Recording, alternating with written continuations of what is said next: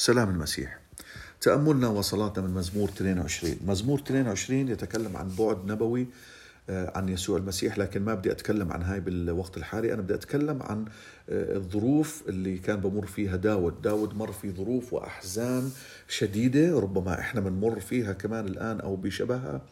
لكن في كل مرة كان يقدم شكوى داود ويذكر هون يذكر يذكر هنا في المزمور إنه ثلاث مرات بقدم شكوى للرب إلا وإنه بعد كل مرة بقدم شكوى للرب هو نفسه برجع بتذكر إنه آه، آه، لو أنا هيك وضعي إلا وإنه لا يا رب أنت رح تستجيب. آه، ببلش بقول إلهي إلهي لماذا تركتني؟ ولكن برجع بتذكر إنك أنت يا رب. عندك الحلول. انت يا رب آه، آه، صانع المعجزات يا رب انت اللي بتحفظ العهد يا رب انت اللي بتستجيب يا رب لصلواتنا. برجع مرة ثانية بشرح عن وضعه بقول أما أنا فدودة لا إنسان إلا وإنه برجع بعدد ثمانية بيحكي إنه لا رح رح الرب ينجيني لأني متكل عليه لأني لأنه الرب هو المعين وما في غيره إلا برجع مرة ثانية بعد 12 بيقول بس يا رب يعني أحاطت في ثيران كثيرة وأقوياء حوالي والوضع صعب والأمور آه، آه، آه، الأمور أخذتني لدرجة أني شعرت أني بالحضيض لدرجة أنه ذاب قلبي كالشمع يا رب إلا وأنه برجع بتذكر بعدد 19 أنه لا يا رب أنت قوتي وأنت نصرتي وأنت اللي رح تنجيني. في ثلاث مرات في هذا المزمور بيقدم شكوى إلا إنه برجع بتذكر إذا بتقدروا ترجعوا للمزمور وتشوفوا هاي الأعداد. وأحبائي هون بده يكون تأملنا. تأملنا هو بنفس السياق اللي بنحكي عنه آه، في آخر كم من تأمل الاتكال على الرب. لكن اليوم ناخذ بعد جديد بالاتكال على الرب إنه الرب هو ثابت. الرب مبادئه ثابتة. الرب لا يتغير. هو إله أمس واليوم وإلى الأبد. هو إله إبراهيم وإسحاق ويعقوب.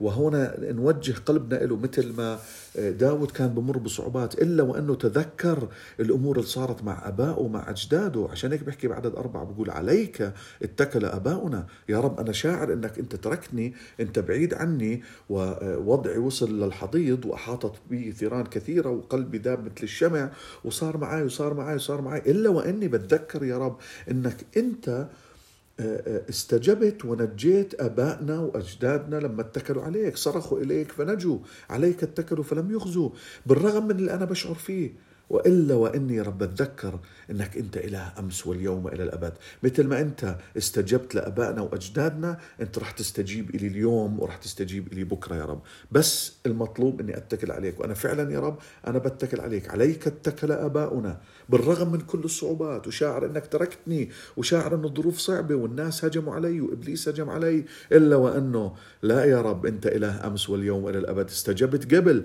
ورح تستجيب هلأ ورح تستجيب في المستقبل. اتكل عليك أباؤنا اتكلوا فنجيتهم وصرخوا إليك فنجوا. اتكلوا عليك فلم يخزوا. ما أروع أحبائي أنه نتكل على الرب. خلي هذا يكون نموذج رائع. نتعلم فيه من كلمة الرب اللي انكتبت بالوحي ولأنه الرب هو ثابت وهو أمس واليوم إلى الأبد. لما بنقرأ شو اللي صار مع أبائنا وأجدادنا بالرغم من صعوبة المواقف اللي إحنا فيها لكن نتذكر أنه الرب استجاب في الماضي لأولاده اللي اتكلوا عليه صرخوا له وما خزاهم واستمع لهم اليوم لو الظروف صعبة لو شعرنا أنه الرب تركنا هو ما تركنا. لو شعرنا أنه تأخر هو ما تأخر. هو إله أمس واليوم إلى الأبد. اتكل عليك أبائنا نجيتهم وأنت اليوم رح تنجيني. خلينا نصلي أحبائي. يا رب أشكرك على كلمتك بستفيد منها. بالرغم من المواقف الصعبة اللي أنا فيها بغض النظر شو هي يا رب كل أموري صعبة بضعها أمامك. وبحكي لك حتى لو إنه شعوري بيحكي لي إنك تركتني أنت ما تركني حتى لو ظروفي صعبة وشاعر إنه قلبي ذاب وبصلي وما في استجابات لكن هذا مش حقيقة. لو يا رب أنا شاعر أو هو حقيقة أنه إن أقوياء هجموا علي أقوياء بدهم يأكلوني إبليس هجم علي إلا وأنه الحقيقة الأكبر أنك أنت تستجيب. وما في معين غيرك يا رب. حتى لو هاي ظروفي كانت صعبة لكن مثل ما بقرأ وبتعلم من كلمتك نجيت آبائنا وأجدادنا. نجيني يا رب في هذا الوقت يا رب. أنا بتكل عليك كل المطلوب مني أتكل عليك. وفعلا أنا من قلبي أتكل عليك يا رب وأنا واثق يا رب انك إنك راح تستجيب واثق إنك راح تنقذني راح تمد يمينك عندي يا إلي ولن أخزى يا رب. باسم يسوع المسيح يا رب أنا برفع هاي الصلاة لك يا رب وأنا واثق واثق يا رب إنك أنت إله أمس واليوم إلى الأبد. استجبت لأبائنا وأجدادنا رح تستجيب إلي وتنقذني من كل مشاكلي باسم يسوع المسيح. آمين.